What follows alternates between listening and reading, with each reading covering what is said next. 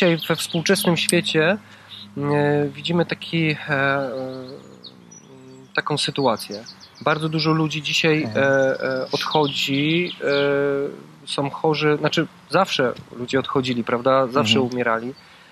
Ale dzisiaj zauważamy, że no, nowotwór, rak robi, robi ogromne spustoszenie. Ludzie dowiadują się o, o nowotworze i dowiadują się też o wyroku, dowiadują się o tym, że no, za dwa lata, za rok e, odejdą, e, Mhm. że to już jest, e, no, to, to się zbliża.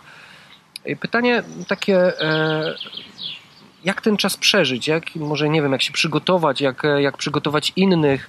E, nie, nie wiem, czy to nie wiem, jedziesz do rodziny i, nie wiem, wszystkim komunikujesz, słuchajcie, e, mam wyrok od lekarzy dwa lata, e, spędźmy, nie wiem, dzisiaj wigilię w taki, a w taki sposób, no, no trochę, Mhm. trochę przejaskrawiam, nie? Ale, ale nie wiem, co wypada, co nie wypada, Mhm.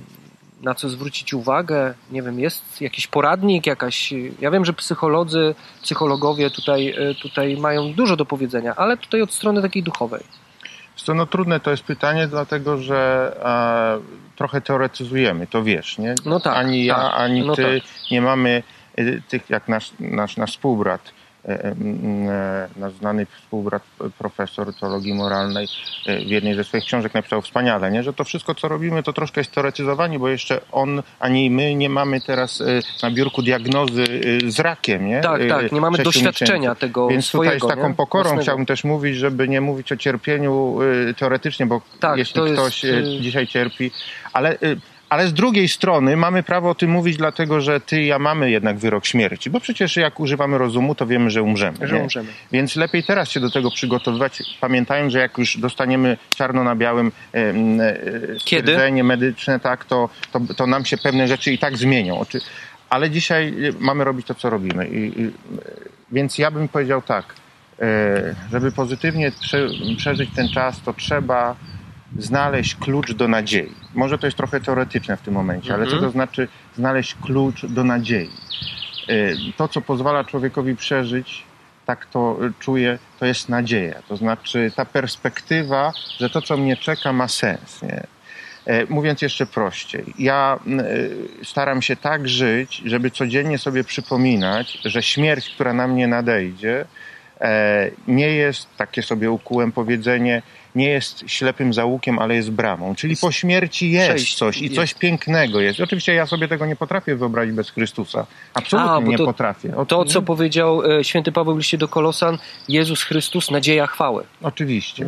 I teraz, gdybym dzisiaj, bo czasami już kilka razy byłem e, w gabinecie u, u lekarza i, i raz się nawet modliłem, Panie Jezu, jeżeli tym razem jeszcze to, to znamie nie okaże się rakiem śmiertelnym, to, e, e, to chcę żyć jak najlepiej. No i co wtedy po takiej diagnozie, że jeszcze mam szansę?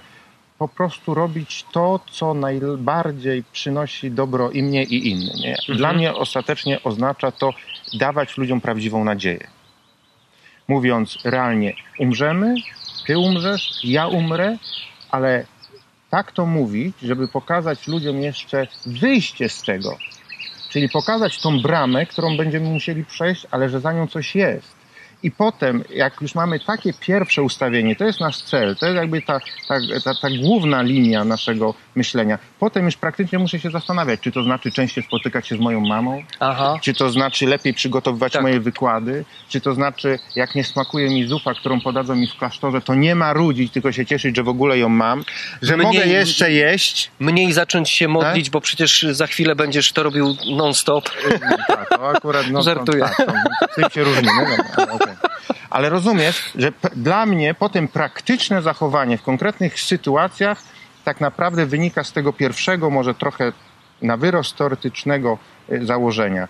Trzeba wiedzieć, dokąd idę, że to jest piękne, że jest nadzieja e, i potem przekładać tą nadzieję na każdą konkretną sytuację, czyli mniej marudzenia, więcej zadowolenia i szukania e, znaków wieczności w teraźniejszości. Na przykład w takiej pięknej pogodzie. Amen.